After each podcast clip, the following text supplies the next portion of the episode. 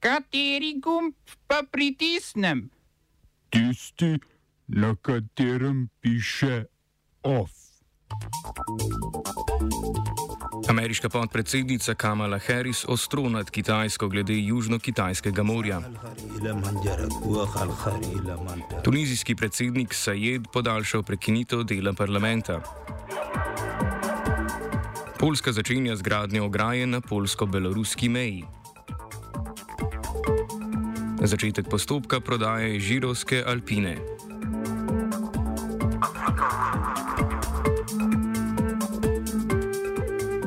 Podpredsednica Združenih držav Amerike Kamala Harris je ob obisku Singapurja napovedala ostrejšo politiko ZDA do Kitajske.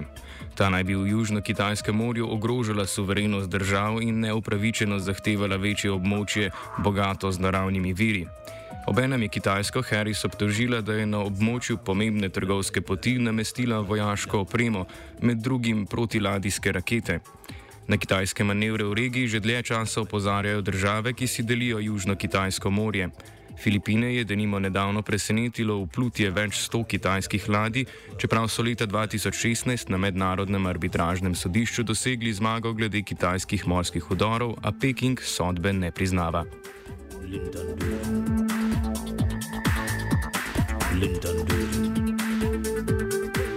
Tunizijski parlament bo do nadaljnega suspendiran. Tunizijski predsednik Kajis Sajed je namreč podaljšal prekinitev dela zakonodajne veje oblasti, ki jo je prvič odredil pred mesecem dni. Poleg tega je podaljšal zamrznitev imunitete poslancev. Konec julija je Sajed odstavil predsednika vlade in si dodelil večje pristojnosti.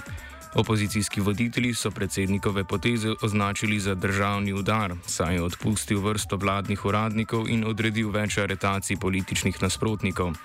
Kljub očitkom opozicije in mednarodne skupnosti o državnem udaru je Sajed svoje politične poteze utemeljil skladnostjo z ustavo ter zaščito svoboščin in pravic.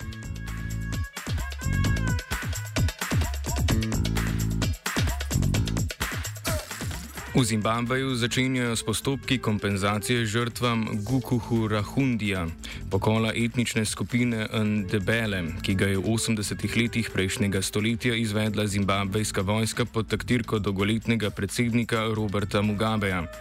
Zimbabvejska vlada je napovedala izkope in premestitev grobov žrtev pokola ter začetek pogajanj glede formalnega priznavanja pokola. Pod Mugabejem, ki je državo vodil od 1980 do 2017, je bilo ubitih več kot 20 tisoč pripadnikov te etnične skupine.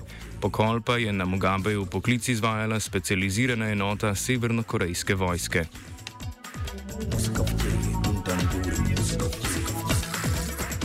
Voditelj ameriške skrajno desničarske skupine Ponosni fantje oziroma Proud Boys Enrique Atarija je ameriško vrhovno sodišče obsodilo na šest mesecev zaporne kazni zaradi požiga ukradene zastave gibanja Black Lives Matter in trgovanja z orožjem.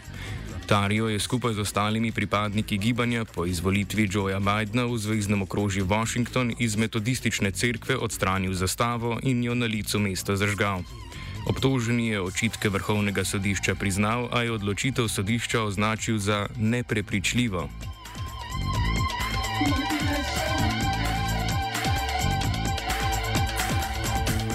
Služba za nadzor nad tujim premoženjem ameriškega finančnega ministrstva je sporočila, da uvaja sankcije zoper šefa kabineta eritrejskih obrambnih sil Filiposa Vold Johannesa zaradi domnevnega kršenja človekovih pravic v etiopski regiji Tigraj. Poleg tega naj bi čete eritrejskih obramnih sil izvajale posilstva, mučenje in usmrtitve civilistov v regiji. S tem bi bilo obrambnim silam onemogočeno poslovanje z ameriškim dolarjem, kar je glavni vzvod Ministrstva za uvajanje sankcij za oprtuje politične protagoniste. Ob tem je ministrstvo vnovič pozvalo Eritrejo k umiku oboroženih sil iz Tigraja.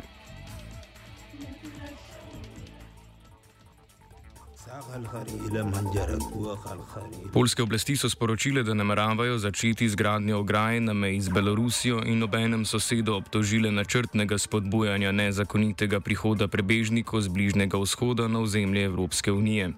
Pred napovedjo gradnje ograje je Poljska skupaj z baltskimi državami pozvala Združene narode k ukrepanju zoper Belorusijo. Polski obramni minister Mariusz Blaščak je hkrati napovedal tudi povečanje števila vojakov, ki varujejo polsko-belorusko mejo. Zaradi povečanega števila prebežnikov na meji pa naj bi zgradnjo ograje začela tudi Litva.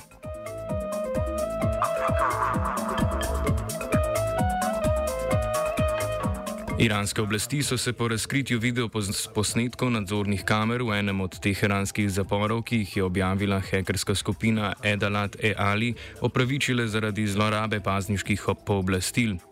Na posnetku je viden eden od paznikov, ki pretepa zapornika in drugega vlači po tleh. Direktor iranskega zapornega sistema je priznal avtentičnost posnetkov in se je za dejanje paznika upravičil v imenu Boga in Ajatole ter zatrdil, da paznikovo dejanje ne bo ostalo nekaznovano. Oba, če, bom odgovoril na angliški. Slovenija bo poskušala pomagati. Slovenija bo naredila naš utmost, da bo rekla, da je situacija naš problem, naš sebe. In bomo naredili nadaljnje korake, as soon as the conditions are. Bomo vlado Marjana Cererera Šarca podprli. Very, very serious. News from Slovenija. We know how and we will.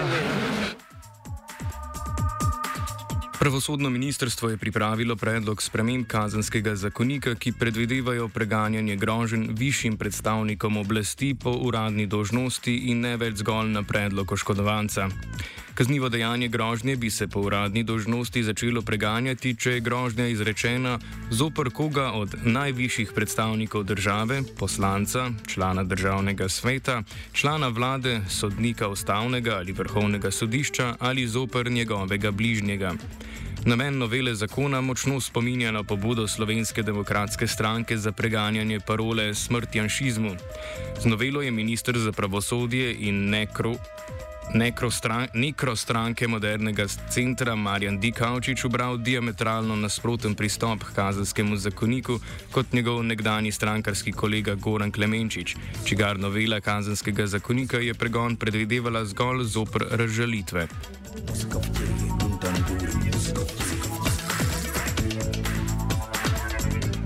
Družba za upravljanje terjatov bank je začela s postopkom prodaje lasniškega deleža družbe Alpina iz Žirov. Po poročanju časopisa Delo je DUTB ocenila, da je storila vse za stabilizacijo podjetja, zaradi česar so v družbi začeli s prodajo morebitnim zasebnim strateškim lasnikom. Zasebni upravljalec bi po oceni DUTB zagotovil dostop do novih trgov ter boljšo pogajalsko pozicijo do dobaviteljev in večjih kupcev. Država je leta 2006 Alpinine delnice prodala Infond Holding 2, ki se je na to preimenoval v Alpina Holding. Po njegovem propadu, prenosu terjatov na slabo banko in pretvorbi terjatov kapital ter pravnomočnosti prisilne poravnave, pa je DOTB leta 2015 postala edina lasnica družbe Alpina.